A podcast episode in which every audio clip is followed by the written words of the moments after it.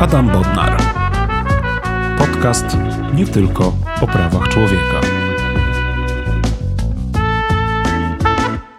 Szanowni Państwo, e, drodzy słuchacze i drogie e, słuchaczki, e, to jest podcast nie tylko o prawach człowieka. Z moimi gośćmi rozmawiam o standardach praworządności, demokracji i prawach człowieka. Dzisiaj moim gościem jest pan Oskar Sobolewski, z którym porozmawiam o naszych emeryturach. Dzień dobry panu.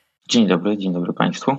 Pan Oskar e, Sobolewski e, wyspecjalizował się jako e, prawnik, ekspert zajmujący się tematyką emerytalną. Jest absolwentem Wydziału Prawa i Administracji Uniwersytetu Warszawskiego, obecnie także doktorantem na Wydziale Prawa.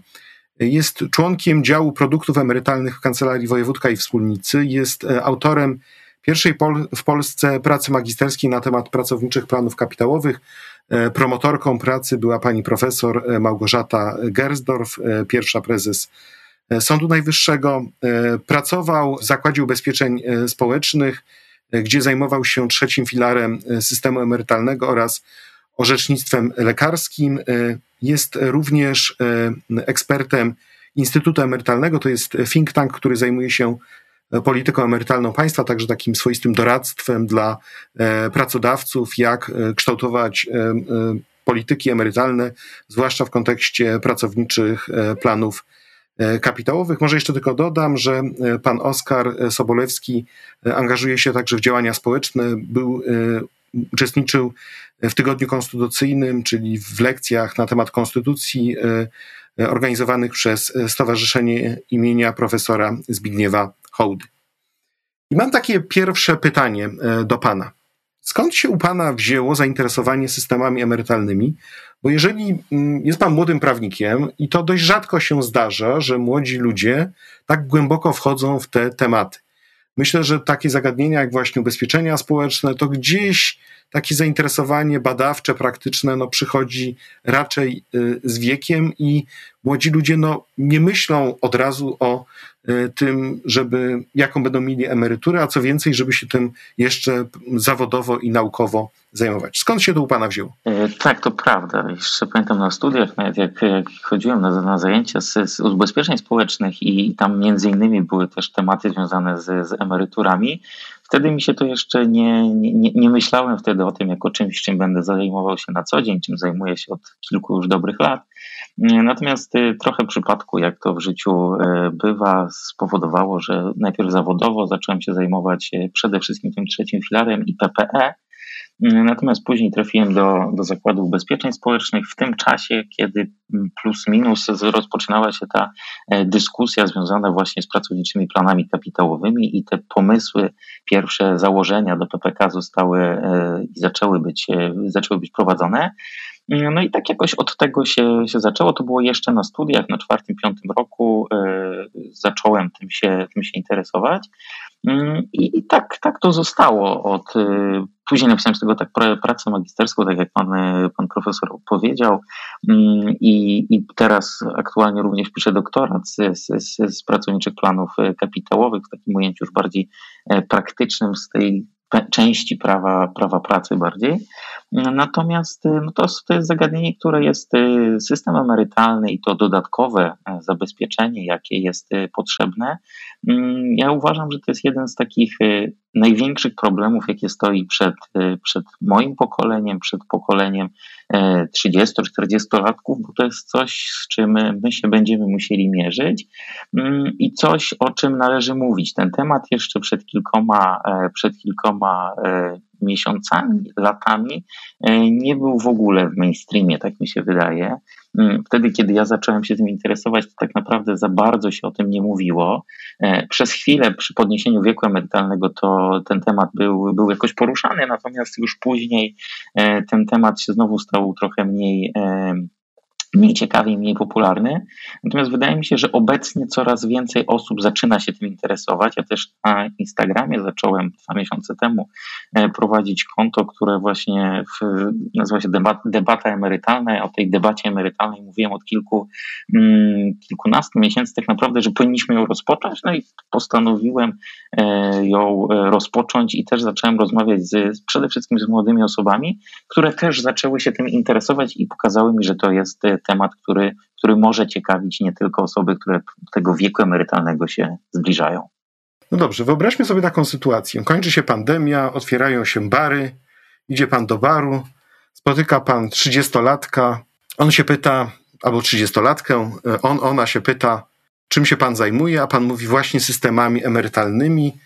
Oni tak na pana patrzą y, i się zastanawiają, no ale zaraz, ale to w ogóle jakieś rzeczy bardzo dla nas odległe, to co by pan powiedział temu 30-latkowi czy 30-latce, że powinni się już teraz zacząć tym interesować i że powinni się tym choć trochę przejąć, że jest to ważne z punktu widzenia ich przyszłości. Tak, zdecydowanie. I to nawet powiedziałbym im, że to już jest trochę za późno, żeby się tym, żeby się tym zajmować i żeby o tym myśleć.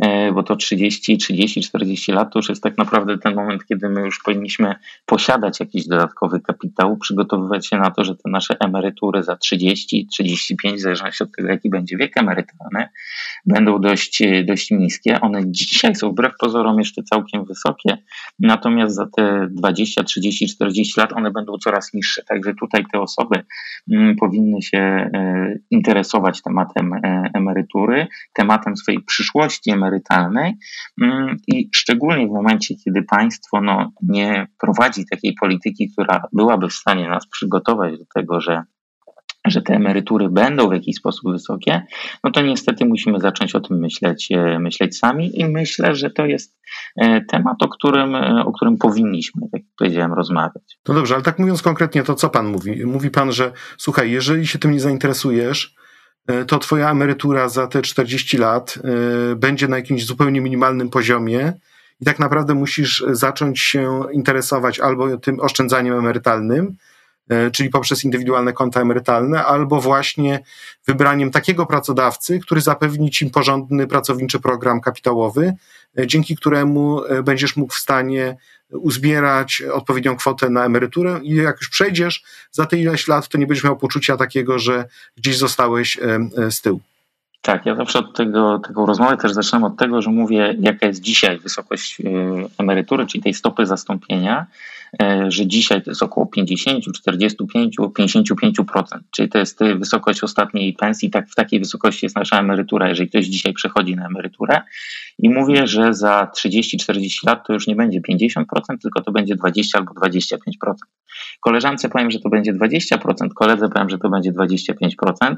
Tutaj niestety kobiety są bardziej pokrzywdzone, mają dużo niższe emerytury mm, i mówię, że powinniście oszczędzać i myślcie o tym i uczcie się tego przede wszystkim, takiego nawyku oszczędzania, bo to, że my sobie wyrobimy ten nawyk oszczędzania, czy to będzie w IGZE, czyli tych indywidualnych, ustawowych formach, czy to będzie jakimś innym, alternatywnym sposobem, to to jest najważniejsze, tak żebyście wiedzieli, że ta potrzeba i ta konieczność oszczędzania jest, y, jest już, już, już musimy to rozpocząć, takie, takie oszczędzanie i musimy to e, z każdym rokiem coraz więcej tych środków e, odkładać tak naprawdę na tą, na tą przyszłość. No dobrze, ale pociągnijmy ten wątek, no bo wiemy też, że w dużych miastach, e, ale nie tylko, sporo osób jest zatrudnionych na podstawie form tych prekaryjnych, czyli umowy zlecenia, umowy o dzieło, krótkoterminowe umowy o, o pracę. I teraz jak pan im mówi, słuchaj, ale jeszcze musisz pozbierać na emeryturę, no to oni patrzą na pana jak na kosmitę.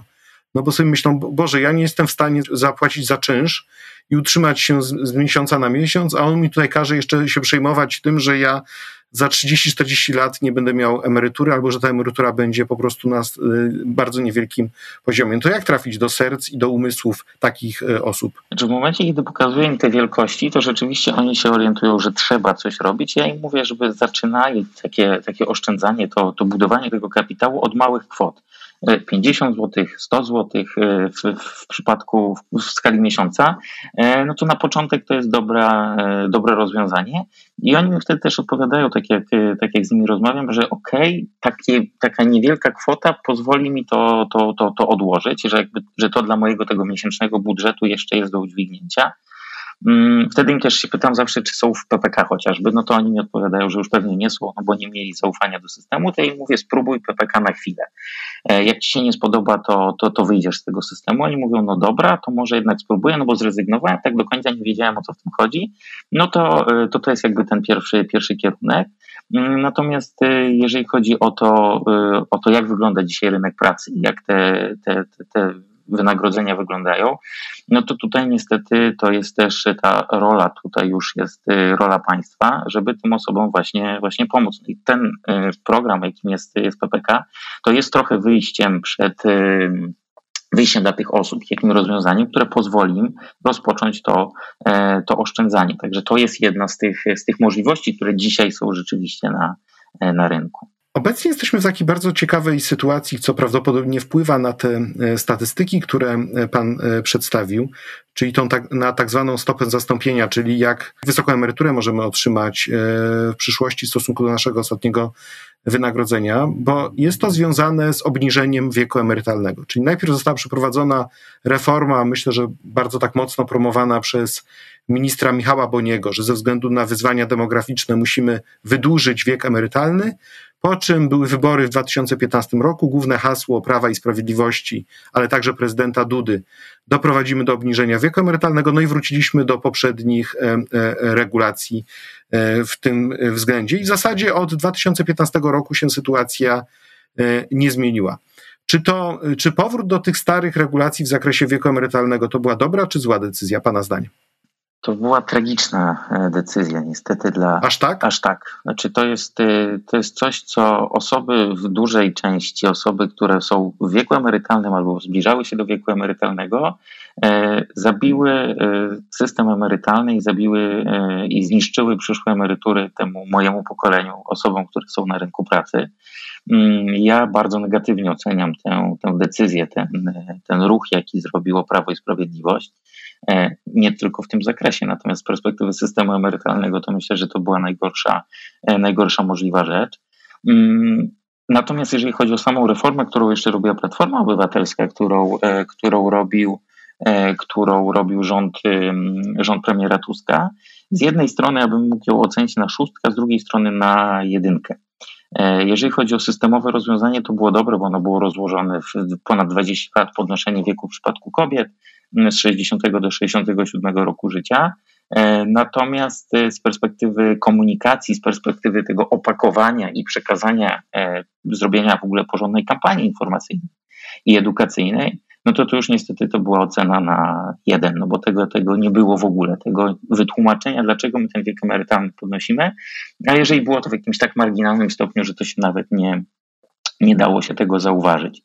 E, także ten wiek emerytalny my prędzej czy później będziemy musieli podnieść. Zresztą my mamy jeden z najniższych wieków emerytalnych, szczególnie w przypadku kobiet. No i to właśnie te kobiety są najbardziej, e, najbardziej pokrzywdzone i o tym też należy, należy pamiętać. No właśnie, ponieważ kobiety e, przechodzą na emeryturę w wieku lat 60, mężczyźni w wieku lat 65. I co prawda przepisy polskiego prawa nie pozwalają na wypchnięcie osób osiągających wiek emerytalny na emeryturę, ponieważ zwolnienie takiej osoby stanowi dyskryminację ze względu na wiek i jest na ten temat orzecznictwo e, Sądu Najwyższego, zresztą uzyskane dzięki e, działaniom e, Biura Rzecznika Praw Obywatelskich, nawet wiem, bardzo konkretna osoba z biura to pisała, pan Jan Pasieka który, i pan dyrektor Lesław Nawacki, którzy byli autorami wniosku do, do Sądu Najwyższego i uzyskanie tej interpretacji Sądu Najwyższego. Natomiast no, praktyka życia społecznego jest taka, że jednak pracodawca, no, jak ma taką możliwość, e, to gdzieś e, no, powoduje, że osoby, e, które osiągnęły wiek emerytalny, są z pracy prędzej czy później zwalniane, albo same po prostu decydują się na skorzystanie z, z tej możliwości. Teraz w, w, jakim stopniu to, to zróżnicowanie wieku emerytalnego właśnie dotyka bardziej mężczyzn, a czy, czy dotyka bardziej kobiet? No bo z jednej strony można by powiedzieć, no to jest przywilej, że możemy pójść w wieku lat 60, tak? A, a mężczyźni muszą pracować do 65 roku życia, tak? Z drugiej strony inne kobiety powiedzą, że ale ja bym chciała pracować dłużej, tak? Dlaczego nie mogę do tego czasu? Albo inni mężczyźni, albo jeszcze mężczyźni mogą powiedzieć, a dlaczego my nie możemy w wieku lat 60? Tak, w zależności od osoby, podejścia i wykonywanego zawodu, to, pod, to podejście może być zupełnie różne. Natomiast jakby tak spojrzeć z perspektywy demograficznej i statystycznej, to jak pan to ocenia? Znaczy tutaj niestety e, systemowo jest tak, tak jak pan, e, pan powiedział, że e, co prawda to jest możliwość przejścia na emeryturę, ale statystyki też pokazują, że większość osób w tym pierwszym roku, w tych pierwszych 12 miesiącach kalendarzowych od osiągnięcia wieku, mm, wieku emerytalnego decyduje się na takie przejście. Także tutaj są mniejsze bądź większe wahnięcia, czasami trochę mniej, czasami trochę więcej tych, tych osób się na to decyduje. Natomiast zdecydowana większość osób to robi e, automatycznie i później tej decyzji swojej żałuje tak naprawdę. Żałuje z tego powodu, bo widzi tak naprawdę, jakie są te emerytury, że te emerytury są na dość e, niskim poziomie, a z drugiej strony widzą, że no jeszcze były siły, żeby pracować, że, e, że mogłyby to robić, no ale później już znalezienie pracy w tym wieku 65-66 lat i więcej, no nie jest takie łatwe. Mm, to często są też jakieś prace dorywcze i to jest tak naprawdę uzupełnianie sobie tej, e, tej emerytury, e, a widzimy, że te osoby mogłyby pracować w, w trochę innym na przykład wymiarze czasu pracy. Mm, tutaj państwo powinno tak naprawdę promować te, te zatrudnienie osób w wieku wieku emerytalnym, tak żeby pracodawcom też się to opłacało zatrudniać takie osoby bo tych e, jakby korzyści dla pracodawcy nie ma zbyt wielu, żeby, żeby takie osoby zatrudniać. E, natomiast no, kobiety tracą najbardziej. No, średnio e, emerytura kobiet jest o 1000 zł niższa w stosunku do emerytury mężczyzn. I tutaj są dwa, dwa powody. Jeden to jest ten niższy wiek emerytalny, mm, a drugi to są lata, kiedy kobiety nie pracują ze względu na okres urlopu macierzyńskiego, ciąży, mm, urlopu, urlopu wychowawczego. No i te przerwy w zatrudnieniu są dużo E, dużo, dużo większe niż w przypadku, e, niż w przypadku mężczyzn. Mm, no a przechodząc wcześniej, czyli przechodząc w tym niższym wieku emerytalnym, nasz kapitał, który mamy zgromadzony w Zakładzie Ubezpieczeń Społecznych, jest dzielony przez większą liczbę, e, liczbę miesięcy i tak jest wyliczana emerytura, czyli tutaj już na starcie kobiety są jakieś 60 miesięcy, czyli na ten ten, ten kapitał jest dzielony przez y, y, około 60 miesięcy więcej w, w, w, tej z perspektywy średniej długości trwania życia, no bo tak to jest, y, tak to jest wyliczane. No i te emerytury po prostu one przez dużo dłuższy czas pobierają. Też kobiety żyją dużo, dużo dłużej mm, i, i ten okres, jaki spędzają na, na, na emeryturze, no jest dużo, dużo dłuższy i tak naprawdę w niektórych sytuacjach to jest tak, że odejmując ten okres urlopu wychowawczego, macierzyńskiego, to sama praca równa się temu okresie, e, okresowi na emeryturze, co też jest e, trochę nie, nie, nie takim e, rodzajem świadczenia jest emerytura, żeby tak, tak długo ją, ją pobierać, pomimo tego, że mamy siłę, mamy chęci do, do pracy. Oczywiście nie mówię o jakichś sytuacjach skrajnych, no bo wiadomo, że zawsze znajdą się sytuacje, gdzie już się nie da pracować, nie ma, nie ma takiej możliwości. Natomiast no, co do zasady takie, takie możliwości, e, możliwości są. Czyli jak rozumiem, pan byłby za tym, żeby wyrównać wiek emerytalny, żeby tutaj nie iść w kierunku tego tradycyjnego takiego rozumienia, że ponieważ kobieta ponosi ten szczególny ciężar związany z wychowywaniem dzieci i z tymi okresami, e, można powiedzieć, prowadzenia gospodarstwa e, domowego, czyli z tymi argumentami trochę odwołującymi się do patriarchalnego modelu rodziny, żeby tak naprawdę już z tego zrezygnować i po prostu wprowadzić jednolity wiek emerytalny dla kobiet i mężczyzn. Tak, jak najbardziej. Wyrównanie wieku emerytalnego i następnie podniesienie wieku emerytalnego to jest jakby ten kierunek, w jakim powinniśmy, powinniśmy zmierzać. E, no dobrze, ale to jeżeli Pan mówi o mm, podniesieniu wieku emerytalnego, no to oczywiście patrzymy na inne państwa, e, które mają podobną demografię jak my, e, państwa europejskie w jakim kierunku się podąża, jeśli chodzi o podniesienie wieku emerytalnego? To jest o dwa lata, trzy lata, a może wprowadza się jakieś rozwiązania takie bardziej progresywne, czyli skoro nam się zwiększa na przykład długość życia, no to ustalamy jakiś wskaźnik y, statystyczny, który powoduje, że i tak z automatu ten wiek będzie ulegał wydłużeniu powiedzmy za 5, 10, 15 lat, w zależności od y, przedłużenia życia. Jakie są modele przyjęte w Europie w tym względzie? Czy modele częściej występują, czyli to podniesienie po prostu wieku emerytalnego i ustalenie go na jakimś poziomie 67, 68, 69, teraz Szwedzi, z tego co pamiętam, w najbliższych miesiącach albo w najbliższych latach podnoszą do 69 roku życia. Mm, I jakby ten model jest taki, że y, większość państw europejskich albo nic nie robi z wiekiem emerytalnym, bo już go ma na dość wysokim poziomie, mm, albo właśnie go podnosi do tego, do tego, do tego poziomu. I jakby tutaj też y, y, Unia Europejska lobbuje, jakby wskazuje też że ten wiek emerytalny powinien być na tym samym poziomie bez względu na płeć, no bo to też jest pewnego rodzaju e, dyskryminacja i jakby nie powinniśmy w taki sposób e, różnicować tego, tego poziomu wieku emerytalnego. Także tutaj też e, często Unia Europejska zarzuca nam jako, jako Polsce, że ten wiek emerytalny mamy jeszcze w tak dużej dysproporcji, czyli te 5 lat różnicy, no to, to jest naprawdę, naprawdę dużo, no bo gdyby to było rok, dwa, no to to jeszcze byłoby w stanie jakoś, bylibyśmy w stanie jeszcze jakoś wytłumaczyć. Mm, natomiast no, tak dużej, dużej przepaści to, to, to byłoby, byłoby trudne. Mm, natomiast to, o czym Pan powiedział, czyli to e, powiązanie e, wieku emerytalnego mm, nie jako sztywnej daty, e, sztywnej, sztywnego poziomu, tylko uzależnienie tego od, od średniej e, życia, tego dalszego trwania życia, mm, to jest rozwiązanie ciekawe i ono jest o tyle dobre, że nie byłoby tak polityczne jak, jak podniesienie wieku emerytalnego, e, no bo tutaj to już by była tak naprawdę czysta statystyka, która by nam go e, podnosiła, podnosiłaby nam ten wiek emerytalny, co też można by było łatwiej politycznie sprzedać jako, jako takie, takie rozwiązanie i taką propozycję, no bo za tym nie stałby prezydent, premier, e, minister pracy, minister rodziny, e, tylko e, Urząd Statystyczny tak naprawdę wyliczyłby nam tą dalszą średnią trwania życia, no i od tego moglibyśmy uzależnić wysokość, wysokość emerytury. Obecnie to akurat byśmy, by nam się obniżył wiek emerytalny, no bo średnia długość trwania życia w ostatnim, w ostatnim roku spadła o 13 miesięcy, także obecnie mielibyśmy niższy wiek, wiek emerytalny, patrząc po tych bardziej statystycznych wskaźnikach. Oczywiście. Mm nie stałby prezydent czy, czy rząd za daną zmianą w kontekście wskazania konkretnego wieku, tak? To znaczy na pewno E, czy to byłby pan premier Morawiecki, czy jakikolwiek inny premier, nie mówiłby, o ja jestem tutaj autorem takiej jakiejś zmiany, prawda, by, tylko można by się powołać na pewne konkretne dane statystyczne, no ale jednak ustawę trzeba byłoby uchwalić w tym zakresie. Jestem przekonany, że e, ta, związki zawodowe takie jak OPZZ czy NSZZ, Solidarność by bardzo skwapliwie wyliczyły, e, ile ten wiek emerytalny by wtedy według tych nowych zmian wynosił. A co pan sądzi w takim razie o, o, o propozycji, która pojawia się często w dyskusjach politycznych, żeby w ogóle zrezygnować z myślenia w kategoriach osiągnięcia wieku, a przejść na okres e, stażu, tak? Czyli masz 40 lat pracy e, i po prostu przechodzisz na emeryturę. Czyli jak zaczynałeś pracę w wieku lat 18, e, zaraz po jakiejś zawodówce, no to po tych 40 latach już i tak możesz przejść na emeryturę, bo swoje już w życiu zrobiłeś.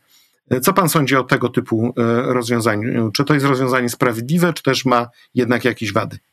Sprawiedliwe jest to tyle, że rzeczywiście no to jest warunkiem, jest to przepracowanie odpowiedniego, odpowiedniego okresu, natomiast y, emerytury stażowe, no bo tak to, się, tak to się nazywa, no to jest przede wszystkim obniżenie faktyczne wieku emerytalnego.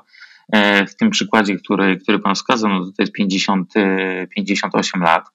E, wiek emerytalny, czyli e, o, o 7 lat niższy w przypadku mężczyzny, gdyby to, gdyby to był, mm, gdyby to był dzisiaj mężczyzna. No i to jest tak naprawdę bardzo poważne obniżenie tych emerytur. Mm, bo musimy o tym pamiętać, że e, jeżeli chcielibyśmy takie emerytury stażowe wprowadzić, to e, oczywiście ja jak, jak komentuję i też e, wypowiadam się, jeżeli byśmy poszukali moich wypowiedzi, to ja zawsze mówiłem, że okej, okay, ale to jest tak naprawdę po pierwsze obniżenie wieku emerytalnego, po drugie to są emerytury na bardzo, bardzo niskim poziomie, co do zasady pewnie by to były emerytury minimalne. No dzisiaj emerytura minimalna to jest 1250 zł i 88 groszy brutto, także to jest taki rząd wielkości. E, obecnie u prezydenta jest projekt, który e, przewodniczący Duda, przewodniczący Solidarności przygotował, który mówi, e, jeżeli dobrze pamiętam, że te emerytury stażowe i tam, jeżeli mamy w Zakładzie Ubezpieczeń Społecznych uzbierany kapitał do wyliczenia emerytury na poziomie 120% emerytury minimalnej. Mm, jeżeli mamy taki kapitał, jeżeli wyliczymy nam taką, zakład nam wyliczy taką emeryturę e, na poziomie 20% emerytury minimalnej, to możemy na taką emeryturę przejść. E, no i tak jak mówię, jeżeli to rzeczywiście byłoby poprzedzone poważną kampanią informacyjną ze wskazaniem tych wad i zalet takiego rozwiązania, z zaletą przede wszystkim no, szybsza emerytura, no ale wadą, no to wysokość takiej emerytury, E, no to rozmawiajmy o tym. Natomiast no, jeżeli ktoś będzie myślał, że będzie pracował mm, i przejdzie na, na emeryturę i to będzie emerytura no, przynajmniej przeciętna, tak jak, tak jak to dzisiaj e, wygląda, no to raczej tego, e, raczej tego nie będzie. No i o tym też należy, należy mówić i to też należy sygnalizować, że to będą szybsze emerytury, ale dużo niższe emerytury.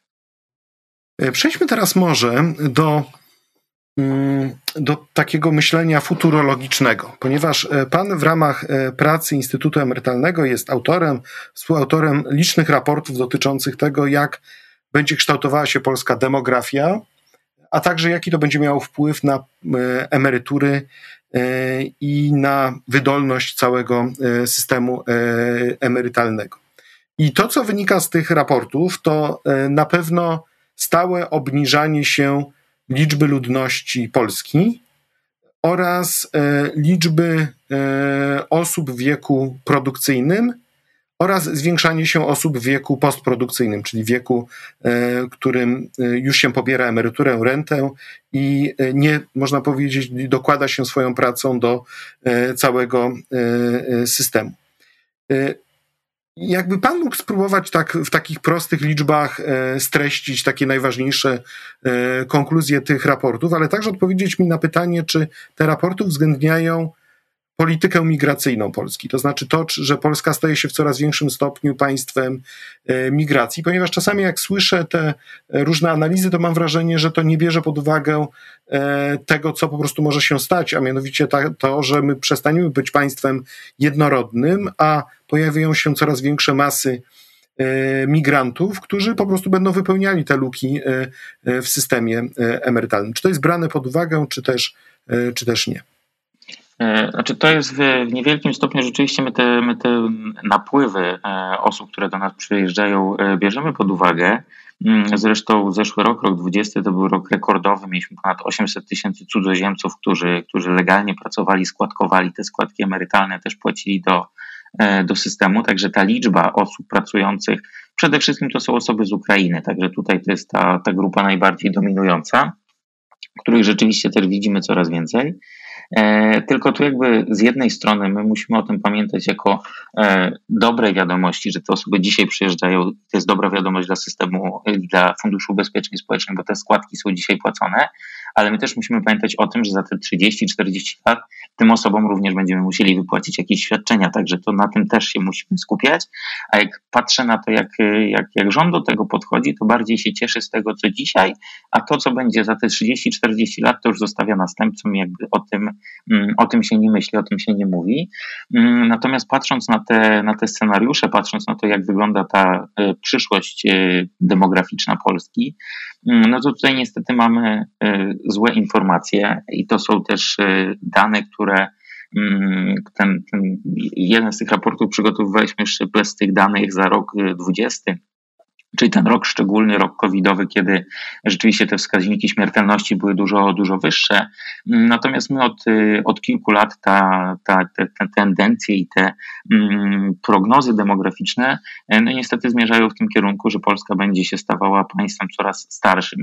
Ci obywatele w wieku e, i osoby mieszkające tutaj będą w wieku coraz, coraz starszym. No i niestety będziemy, e, będziemy się zmniejszali jako, e, jako Polska do roku 2050, do roku 2060 spadniemy już do poziomu e, około 33-32 milionów e, obywateli. Rok 2080 to już jest 30 milionów obywateli, czyli przez 60 lat zmniejszymy się o 8 milionów 8 e, milionów osób, natomiast będzie nam przybywało osób w tym wieku poprodukcyjnym. I niestety ten, te prognozy, te, te, te badania, które, które my też analizujemy, Mm, pokazują, że będzie nam przybywało przede wszystkim tych osób i w wieku poprodukcyjnym i ubywało osób w wieku przedprodukcyjnym, czyli osób w wieku do 17 roku życia, mm, co też niestety pokazuje, że ta dzietność w Polsce spada. E, rząd tak naprawdę nie ma żadnego pomysłu na tą politykę zachęcającą do, do, do urodzeń. Coraz mniej osób się rodzi, coraz więcej osób umiera, co, co niestety prowadzi nas w tym, w tym jednym kierunku, czyli tego starzejącego się społeczeństwa. No i my niestety jako, e, jako Polska też nie mamy większej e, polityki i uregulowania tych zasad zachęcających osoby, które będą chciały do Polski przyjechać e, i pracować, tak żeby te osoby rzeczywiście czuły się tutaj dobrze, mogły pracować, mogły legalnie pracować mm, i jednocześnie też być częścią Funduszu Ubezpieczeń Społecznych, czyli też w przyszłości korzystać z tych przywilejów i korzystać z tego, co dzisiaj do systemu ubezpieczeń społecznych wnoszą. No dobrze, ale wyobraźmy sobie, że mamy rząd, który stawia na bardzo taką aktywną, mocną politykę rodzinną, e, ale w takim sensie, że faktycznie wzmacnia te wszystkie rodziny, które się decydują na wielodzietność, e, wspiera in vitro, e, wspiera różne, wspiera także, można powiedzieć, różne formy adopcyjne, ale także na przykład wspiera imigrację, która jest nastawiona na młode małżeństwa i też w konsekwencji na na to, żeby ten, e, żeby do systemów czy, czy do państwa dopływały e, osoby, które nie tylko są bieżącymi płatnikami składek, ale także ich dzieci i potomkowie, którzy będą tutaj zapewniali takie wsparcie. Czy, czy, czy gdyby tak się stało, to mamy szansę na to, żeby jednak obronić te 38 milionów mieszkańców, czy też mimo wszystko będzie nam ten poziom cały czas spadał? Jak pan to widzi? Znaczy to, to już by musiała być bardzo e, otwarta polityka. Tak naprawdę musielibyśmy otworzyć e, z, każdej strony e, ten napływ osób do, do Polski. Myślę, że nawet jeżeli byśmy zrobili to bardzo szeroko, to i tak to by było raczej tylko trochę spowolnienie tych, tych tendencji. Mm, a nie jakieś e, chociażby wyrównanie tego poziomu. Jakby to będzie tak naprawdę cały czas spadkowa ta ilość, e, ilość Polaków, ilość, e, ilość osób w każdej z tych, z tych kategorii będzie spadkowa, poza grupą osób w tym wieku poprodukcyjnym. Mm, natomiast no, my musimy to robić, żeby w jakikolwiek sposób się e, zabezpieczyć jako państwo naszą gospodarkę, no bo tak naprawdę jeżeli e, tych osób nie będzie, no to, to, to będzie przynosiło konsekwencje i, i ryzyka dla, dla funkcjonowania po prostu państwa, bo bez tego to, e, to nie będzie komu tak naprawdę pracować na te emerytury osób, które, które będą w tym wieku poprodukcyjnym. Także my tu niestety musimy bardzo szybko i bardzo szeroko się się otwierać. I, I te osoby, te rządy, które będą to robiły, e, one pewnie w części podejrzewam nie będą się e, nie będą pozytywnie oceniane niestety, no bo takiej, e, taka otwartość nie jest aż tak dobrze oceniana, e, chociaż myślę, że z każdym rokiem, jeżeli też będziemy widzieli to na, na ulicach, w sąsiedztwie, że tych osób, które przyjeżdżają jest coraz więcej, e, ja dzisiaj często też spacerując i po swojej najbliższej okolicy, też często słyszę częściej język inny niż polski i widzę, że tych osób jest i tak coraz, mm, coraz więcej. To też nie jest tylko, tylko w Warszawie, ale też w tych mniejszych miejscowościach też widać, że tych osób, które przyjeżdżają, e, jest, e, jest coraz więcej. Mm, I tutaj e, też patrząc jakby na politykę, obecną politykę rządu, to na szczęście z tego, co, co, co obserwuję, to też nie ma jeszcze takiej niechęci do tych osób, które przyjeżdżają przede wszystkim z, z, z Ukrainy, z Białorusi, tylko tutaj jeszcze jest jakaś większa, większa otwartość na, na szczęście, no bo bez tego to już w ogóle nie wyobrażam sobie kondycji polskiego, polskiego systemu i ubezpieczeń społecznych i szerzej polskiej, polskiej gospodarki w kolejnych, w kolejnych latach.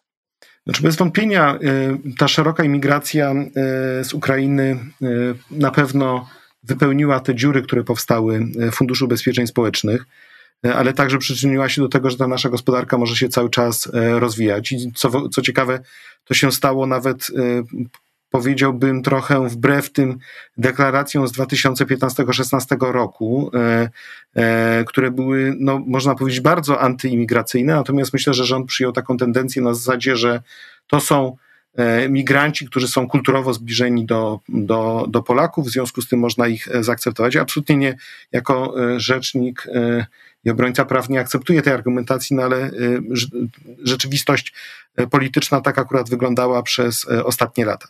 Natomiast bo to, o czym Pan mówi, to są bardzo potężne wyzwania demograficzne. Tak naprawdę to jest coś, nad, o czym my powinniśmy debatować i zastanawiać się, co z tym zrobić, i powinien to być temat tak istotny w Polsce, jak zmiana klimatu, jak rozwój sztucznej inteligencji, czy także jak, nie wiem, wszystkie zmiany, które są niezbędne e, po covid -zie. Natomiast prawie na ten temat się milczy.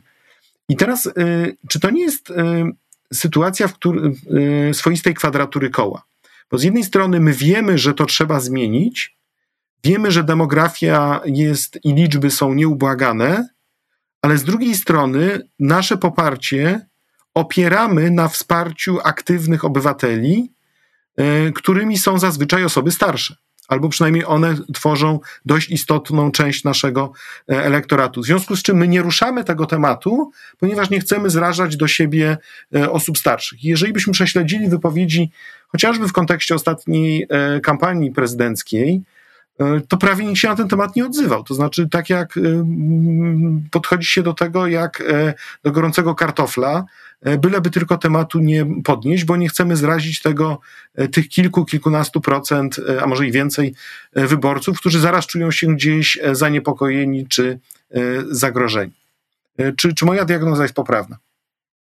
Zdecydowanie tak. Ja zresztą kiedyś porównałem kryzys demograficzny, kryzys systemu emerytalnego do kryzysu klimatycznego i powiedziałem, że są dwa największe kryzysy, przed jakimi stoi Polska, ale tak naprawdę szerzej Unia Europejska, bo my jako Europa, e, jako cała, e, cała Europa, przede wszystkim Unia Europejska, e, stoimy przed podobnymi, podobnymi wyzwaniami. Jakby to, że Polska się starzeje najszybciej, jest jednym z najszybciej starzejących się krajów w Unii Europejskiej, mm, to to, że inne kraje się nie starzeją, to, to, to nie jest prawda. One się starzeją tylko trochę, trochę wolniej. Także e, my jesteśmy jako, jako kontynent tak naprawdę e, tym, tym, tym społeczeństwem, które, mm, które się starzeje, w przeciwieństwie na przykład do, do Azji, gdzie, gdzie ten rozwój wygląda zupełnie inaczej. Natomiast rzeczywiście e, te propozycje i wszelkiego rodzaju postulaty polityczne, które są w Polsce przygotowywane i są e, od wielu lat tak naprawdę, odkąd Prawo i Sprawiedliwość też doszło do, do władzy, poza 500 plus tak naprawdę, no to one są częściej kierowane do tego elektoratu e, przedemerytalnego albo już emerytalnego, tak żeby te osoby do siebie do siebie zachęcić, kosztem tak naprawdę tych osób y, młodszych, bo te wszystkie świadczenia są finansowane przez, y, przez osoby, które dzisiaj pracują, które są w wieku 20, 30, 40 lat, mm, a finansują chociażby 13, 14 e, emerytury, finansują to mm, wsparcie dla, dla, dla emerytów. Ja zawsze powtarzam, że o ile 13, 14 emerytura E, jeżeli państwo uważa, że stacie na to, że w budżecie są na to środki, to nie rozdawajmy takich świadczeń typu 13, 14, tylko waloryzujmy procentowo, bo tak się e, świadczenia waloryzuje, to jest najbardziej sprawiedliwy sposób waloryzowania, e, czyli każdemu zwiększamy proporcjonalnie tyle, ile ma tej emerytury, no to taką podwyżkę dostanie. I to jest uczciwe. Zresztą dwa tygodnie temu, jak to, jak to powiedziałem, to zostałem zakrzyczany w TVP Info, jak, jak taki pogląd wyraziłem, mm, włącznie z z, z prowadzącą, która powiedziała, że, e, że to nie jest program, gdzie się polemizuje i że nie możemy tak robić. Ale to bardzo ciekawe, bo pewnie pan wiedział pan, gdzie pan idzie, także to wie, wie pan, że tam nie można wygłaszać w tej telewizji poglądów e, nadmiernie obiektywnych. Znaczy cały czas się zastanawiam, czy będzie kolejne spotkanie. To była druga wizyta w tym, w tym programie. Cały czas się zastanawiam, czy będzie trzecie spotkanie i czy będę mógł to, e, mógł to powiedzieć i dalej kontynuować e, e, obnażanie jakby prawdy o, o systemie emerytalnym. E, natomiast no, no, zostałem tam zakrzyczany przez i, i, i posłankę z, z, z, rządzącej partii i, e, i prowadzącą, także no, wiem, czym to się, z czym to się je, poznałem to już na własnej skórze, natomiast e, uważam, że jeżeli jest możliwość, to, mm, to należy pójść do, do każdego medium, żeby, żeby te informacje przekazywać, no bo dla niektórych no, to jest niestety tylko jedno, jedno źródło informacji, także też uważam, że trzeba że trzeba wszędzie o tym mówić. E, natomiast e, rzeczywiście państwo nic, e, nic nie robi albo bardzo mało robi dla, dla tych młodszych osób, a wszelkiego rodzaju, tak jak powiedziałem, postulaty są kierowane do, do osób najstarszych. I co jeszcze ważne, z każdym rokiem będzie nam przybywało tych osób w wieku, w wieku emerytalnym. Zresztą w najbliższych, od roku 19 do 24 około miliona osób to będą nowi emeryci. To jest tak jakby z kilku, kilku miast wszystkie, wszystkie osoby, wszystkie, mm, wszyscy, wszyscy mieszkańcy Poznania, Wrocławia, Krakowa przestali istnieć. Jakby te miasta przestały istnieć i, i to by się stali emeryci tak naprawdę. Także to jest taki rząd, taki rząd wielkości.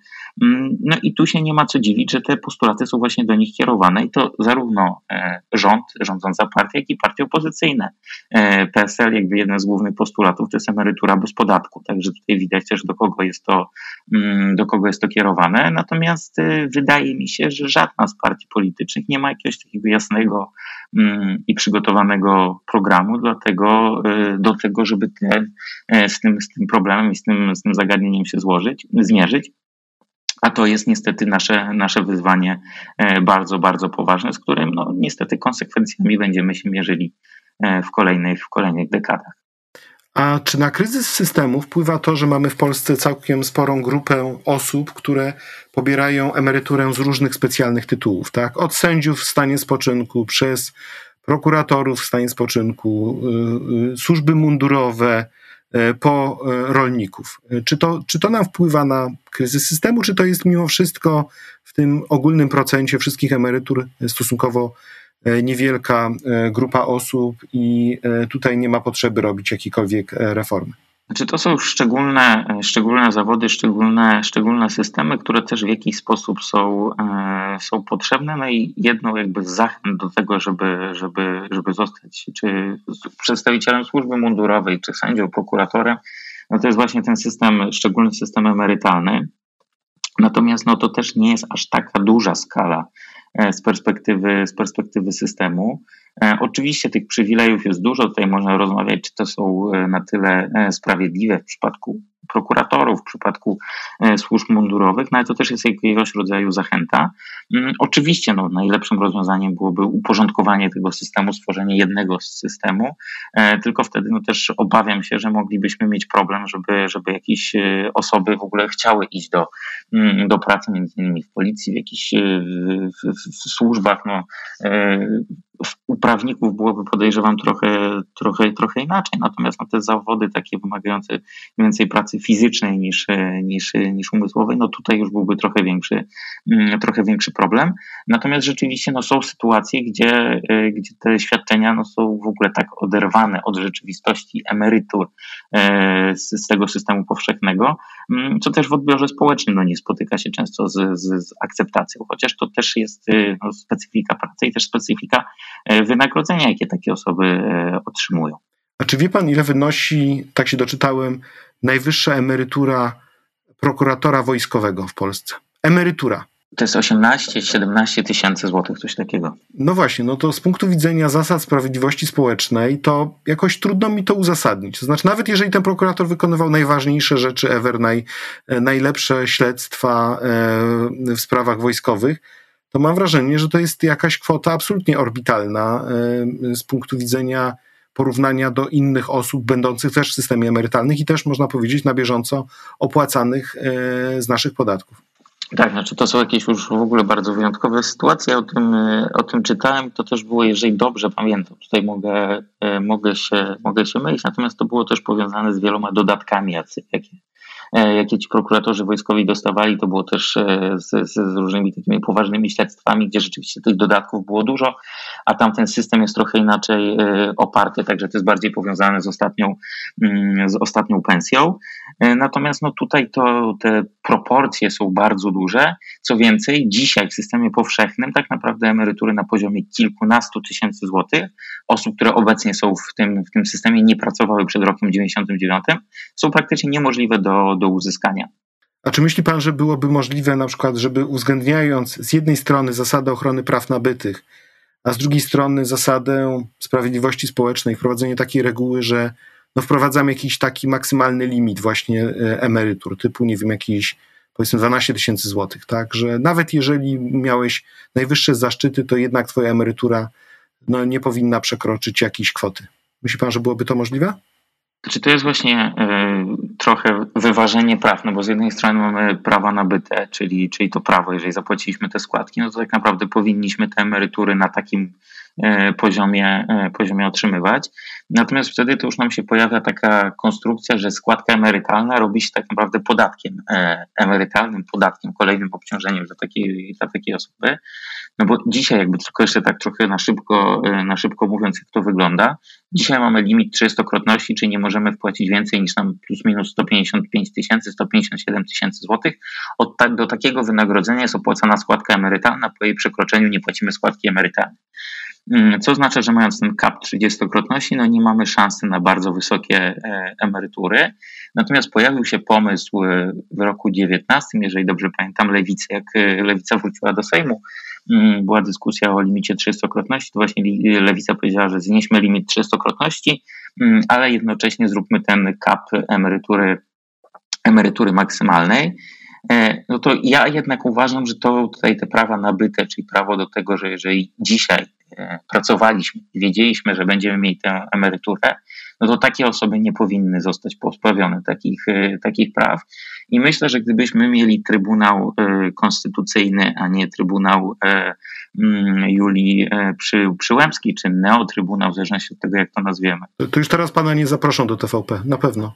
Wytną ten fragment, już pan już pan stracił szansę. No cóż, ale jakby no, w, obecnej rzeczywistości nie jestem w stanie e, inaczej jako, jako prawnik skomentować tej, tej instytucji, tej, tego, tego organu, który mieści się przy Alei Szucha że gdybyśmy jednak rzeczywiście mieli, mieli Trybunał Konstytucyjny, e, to myślę, że tutaj orzeczenie byłoby takie, że to było prawo nabyte i rzeczywiście te prawa do, e, do tej emerytury byłyby na drodze sądowej, takie osoby te prawa by, by odzyskały i, w przyszłości to byłaby większa, e, większa e, skala i więcej środków tak naprawdę państwo musiałoby w to, e, w to zainwestować. Także myślę, że, że te emerytury maksymalne, chyba że to byłoby dla osób, które dopiero wchodzą na rynek pracy i dla osób, które świadomie się na to decydują, że te emerytury będą do jakiegoś poziomu e, wypłacane. Nawet jeżeli mieliśmy pewną aberrację w systemie, która gdzieś wynikała właśnie z tych wszystkich dodatków, bonusów i powiązania statusów, prawda, w tym przypadku statusu, tak jak mówiliśmy, prokuratora, a jednocześnie osoby e, będącej w randze oficera Wojska Polskiego, to po prostu no trudno. Akceptujemy to, ale nie, roz, nie niszczymy tej podstawowej zasady, jaka jest zasada ochrony praw nabytych.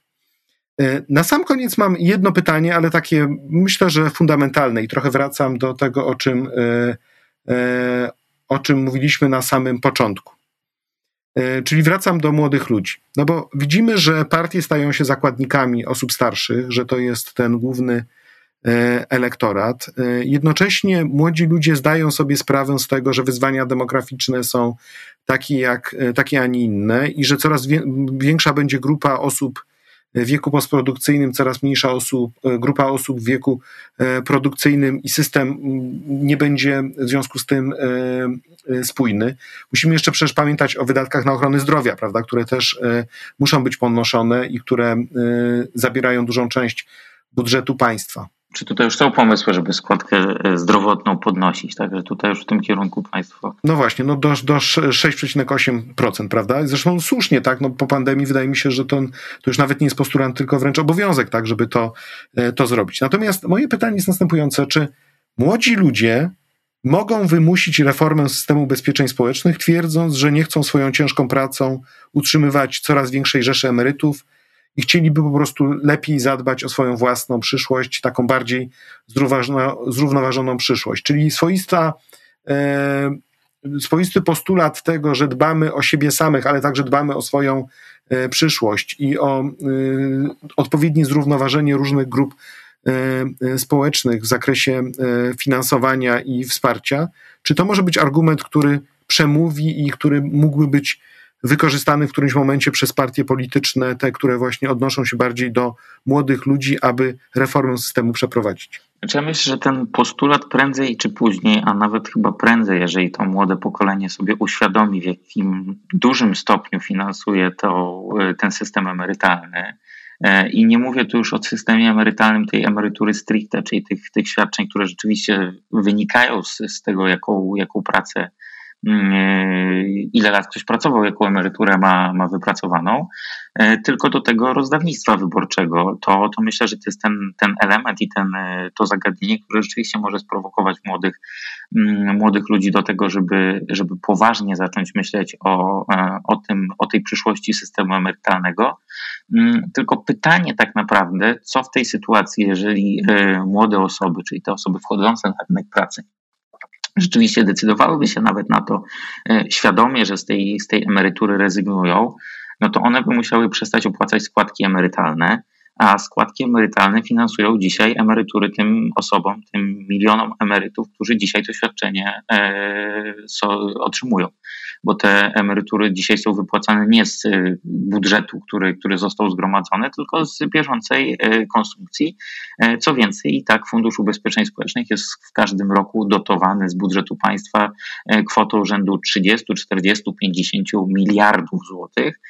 Negatywne prognozy pokazują, że będą lata, kiedy będziemy musieli 90 miliardami złotych dotować e, Fundusz Ubezpieczeń Społecznych. Mm, no i z czegoś to musimy e, sfinansować. Podejrzewam, że to może zmierzać trochę w kierunku jakiejś emerytury obywatelskiej, czyli tej emerytury minimalnej, którą będziemy otrzymywali. E, tylko też pytanie, kiedy taką emeryturę obywatelską wprowadzić, no bo jeżeli chodzi o świadczenie, które, e, jeżeli dzisiaj mielibyśmy wszystkim osobom wyrównać do tej, do tej minimalnej emerytury, e, przepraszam, obniżyć do, do emerytury minimalnej, no to to jest ten problem, o którym mówiłem, czyli te prawa nabyte. Czyli tym osobom byśmy nie mogli tego, tego zrobić. Z drugiej strony, no, czy tę granicę postawić w wieku dzisiaj, nie wiem, 45 lat i ci, co mają powyżej i się zbliżają do tej emerytury, to rzeczywiście to, co, to, co wpłacili, to dostaną, a ci młodsi już nie dostaną, czy dostaną to proporcjonalnie. Jakby tu jest duży problem ze znalezieniem tak naprawdę tej granicy i tego momentu, e, jak ten system e, naprawić i co zrobić, żeby te, te świadczenia były dzisiejsze wypłacane, a przyszłe świadczenia nie były w jakimś takim dużym stopniu finansowane mm, i, i wnoszone w ogóle te środki w ramach, w ramach składki emerytalnej. I myślę, że to jest tak naprawdę najpoważniejszy problem i największe wyzwanie, jakie stoi przed, y, przed polskim systemem emerytalnym. Bo my oczywiście moglibyśmy z jednej strony postawić tylko i wyłącznie na filary prywatne, PP, PPK, IKX albo w ogóle tylko IKX jako indywidualne i zrezygnować z tego, z tego systemu pierwszofilarowego, Natomiast w takiej sytuacji no, system by się zawalił bardzo szybko. No, państwo nie byłoby w stanie e, dotować e, i, i wypłacać tych, tych emerytur dzisiaj. E, a zakładam, że gdyby emeryci nie dostali emerytury tego pierwszego, drugiego, dwudziestego dnia miesiąca, kiedy, kiedy otrzymują, mm, to myślę, że to byłby największy strajk tak naprawdę w, w, w dziejach kraju, gdzie rzeczywiście ci, ci i emerytki, i emeryci stanęliby pod zakładem ubezpieczeń społecznych pod każdym z oddziałów 43, które są w Polsce, pod każdą placówką terenową i rzeczywiście poszliby walczyć o te swoje mm, emerytury. Także tutaj tego też się e, każda władza boi. I też zauważmy, że e, emerytury to są jedne z tych świadczeń, które rzeczywiście są terminowo wypłacane, no bo to są te osoby, które rzeczywiście te świadczenia mm, otrzymują terminowo, za co też e, zawsze chwaliłem i chwalę Zakład Ubezpieczeń Społecznych, że ta instytucja jest to w stanie wypłacić i to, to, to dobrze działa. Chociaż Zakład Ubezpieczeń Społecznych jest często w takim takim odbiorze społecznym dość negatywnie, e, negatywnie traktowane. To jest naprawdę dobrze działająca prężnie instytucja. No tak, bo jest kojarzony z wysokością e, świadczenia, a nie z tym, że jest po prostu wszystko w miarę przyzwoicie zorganizowane i e, dobrze działa. Też jest kojarzony z tym, że się, jak to jak zwykle bywa w tego typu wielkich instytucjach, mogą się pojawiać jakieś błędy, jakieś problemy prawda, z wyliczeniem świadczenia, z brakami w dokumentach sam przecież w biurze rzecznika dostaję, dostaję skargi, e, które tego e, dotyczą, e, za co nie zawsze po prostu ZUS ponosi odpowiedzialność. Tak? Natomiast wina spada na tych, którzy te decyzje podejmują. Już faktycznie ostatnie pytanie, ale takie pytanie, mm, gdzie chciałbym, żeby pan trochę zaryzykował. Niech pan sobie wyobrazi, że mamy 2030 rok. Jaki wtedy będzie w Polsce wiek emerytalny? Tak, biorąc pod uwagę Pana różne takie przewidywania e, polityczne, wyzwania demograficzne, pewną mądrość, bądź e, jednak mimo wszystko strategiczne e, myślenie polityków, być może zmiany też na, na scenie politycznej. 2030 rok, czyli jeszcze nie ta kadencja, na pewno nie ta kadencja parlamentu, jeszcze nie następna, ale kolejna. Jaki wtedy będziemy mieli wiek emerytalny dla kobiet i mężczyzn? Pana zdaniem. Chciałbym, żeby ten proces podnoszenia wieku emerytalnego, wyrównywania i podnoszenia wieku emerytalnego się rozpoczął, czyli żebyśmy mieli e, obowiązujący wiek 67, e, Natomiast jest też to, o czym ja mówiłem, żeby on był rozłożony na e, lata wprowadzenie takiego wieku. I rzeczywiście to nie było podniesienie od 1 stycznia roku 2022, wszyscy pracujecie do 67 roku życia, no bo tak się tego nie da, tak się tego nie robi. Natomiast żebyśmy mieli rozpisaną, jasną mapę plan, harmonogram podwyższania tego wieku emerytalnego. E, moglibyśmy tu nawet skorzystać z tego, co zrobiła Platforma przed, przed za chwilę, to będzie dziesięcioma laty, mm, kiedy to rzeczywiście było rozpisane kwartałami, co, co, co kwartał ten, ten wiek emerytalny był podnoszony, czyli tam ze względu na, na wiek e, te osoby miały odpowiedni, przede wszystkim kobiety pracowały do 62 roku życia i 14 i 8 miesięcy. Jakby to było dobrze, dobrze rozłożone. E, natomiast chciałbym, żeby do roku 2040 ten wiek 67 rzeczywiście dla obu płci albo 45 e, w Polsce, w Polsce obowiązywał. I myślę, że w pewnym momencie e, znajdzie się jakaś władza, Oczywiście to nie będzie władza, która, e, która z tym postulatem pójdzie do wyborów, bo e, wiedząc, jak wyglądają nastroje społeczne w tym, w tym, e, w tym temacie, no to raczej podniesiemy ci wiek do 67 roku życia. Nie będzie hasłem typu 500, plus, które, które, zdobędzie, które zdobędzie akceptację społeczną w takim, w takim wymiarze ale już dzisiaj rozpoczynajmy tę debatę emerytalną, o której ja też mówię, i tłumaczmy, że to podniesienie do 67 roku życia, ono obejmie 20, 30, może 40-latków, a może już nie wszystkich. E, I tak to będzie wyglądało. To nie jest decyzja i to nie jest reforma, którą się przeprowadza w, e, w ciągu kilku miesięcy, tylko to jest reforma, którą się przeprowadza w ciągu kilkunastu lat. I jakby w tym kierunku powinniśmy, powinniśmy zmierzać, bo te osoby, które będą rzeczywiście w tym, te pierwsze roczniki kobiet, które będą przechodziły na, mm, na emeryturę w wieku 67 lat, tak naprawdę podziękują osobom, które 30 lat temu, 30 e, lat wcześniej e, taką, taką decyzję podjęły, nie bały się tego. Oczywiście no to nie będzie po, po, po pozytywna decyzja po, z pozytywnym odbiorem, ona się pewnie nie spotka, natomiast przy dobrej komunikacji, przy dobrej kampanii informacyjnej, rzetelnej kampanii informacyjnej, myślę, że to jest, e, to jest możliwe i to jest do przeprowadzenia. Czyli za 9 lat w tym barze pan spotka tego 39-latka bądź 39-latkę i pan będzie mógł powiedzieć: Słuchaj, no jest ciut lepiej, jest szansa, że jednak będziesz pracował jeszcze, pracowała jeszcze przez kolejne 28 lat do 67 roku życia, ale ponieważ dzięki moim radom zaczęliście już oszczędzać e, w różnych prywatnych programach 10 lat temu, już trochę nazbieraliście, to jest szansa, że może jak już przejdziecie na emeryturę, to ta wasza emerytura będzie w miarę godna. Oczywiście emerytura finansowana zarówno z tych środków publicznych, jak i ze środków z drugiego i z trzeciego filaru, także być może wasza przyszłość jest uratowana. Czy taka możliwość w pana tutaj y, tym myśleniu przyszłościowym istnieje, czy nie? Czy taką pozytywną y, wiadomość będzie Pan mógł tej osobie przekazać? Na pewno chciałbym, żeby tak było i myślę, że są szanse, żeby to, żeby to zrobić, jeżeli, tak jak powiedziałem, wytłumaczymy i, i pokażemy, jakie są konsekwencje tego. Myślę, że to jest możliwe i, i tak też jak rozmawiam z, z, z też w dużej części to są młode osoby, tak jak powiedziałem na Instagramie, o tym, o tym rozmawiam, e, to są młode osoby, w większości są to kobiety, które też, e, jak zobaczyły taki post właśnie pierwszy, który wrzuciłem, że twoja emerytura wyniesie 20% twojego ostatniego wynagrodzenia, to było takie przerażenie, no i też zaczęły się zastanawiać jakby co robić. No i to są jakby te rozmowy z, z, z tej restauracji, z tego baru, o których, o których rozmawialiśmy. I myślę, że rzeczywiście to, to do, tego, do tego będzie zmierzało. I wierzę, że, że, że tak to będzie wyglądało za te 9 lat w tym roku, e, w roku 30, że rzeczywiście tą, tą kolejną dekadę będziemy rozpoczynali z trochę e, lepszym nastrojem, jeżeli chodzi o przyszłość e, emerytalną i o kondycję Polski, polskiej, polskiej demografii, polskiego systemu, systemu emerytalnego. I te emerytury rzeczywiście będą trochę wyższe, i zwiększy się ta świadomość e, Polaków, Polek i Polaków do tego, że trzeba oszczędzać, bo to jest tak naprawdę najważniejsze. Nawet jeżeli ta emerytura pierwszofilarowa nie będzie na tym wysokim poziomie, będzie nawet na jakimś średnim poziomie, ale będziemy mieli świadomość i zbudujemy sobie ten drugi, trzeci filar e, na dobrym e, i, i, i wystarczającym poziomie, bo też pamiętajmy jeszcze też kończąc, o tym drugim, trzecim filarze my nie możemy myśleć jako pierwszym filarze. Wielkości i, i, i wysokości, jakim finansujemy pierwszy filar, no to jest składka emerytalna 19,52%.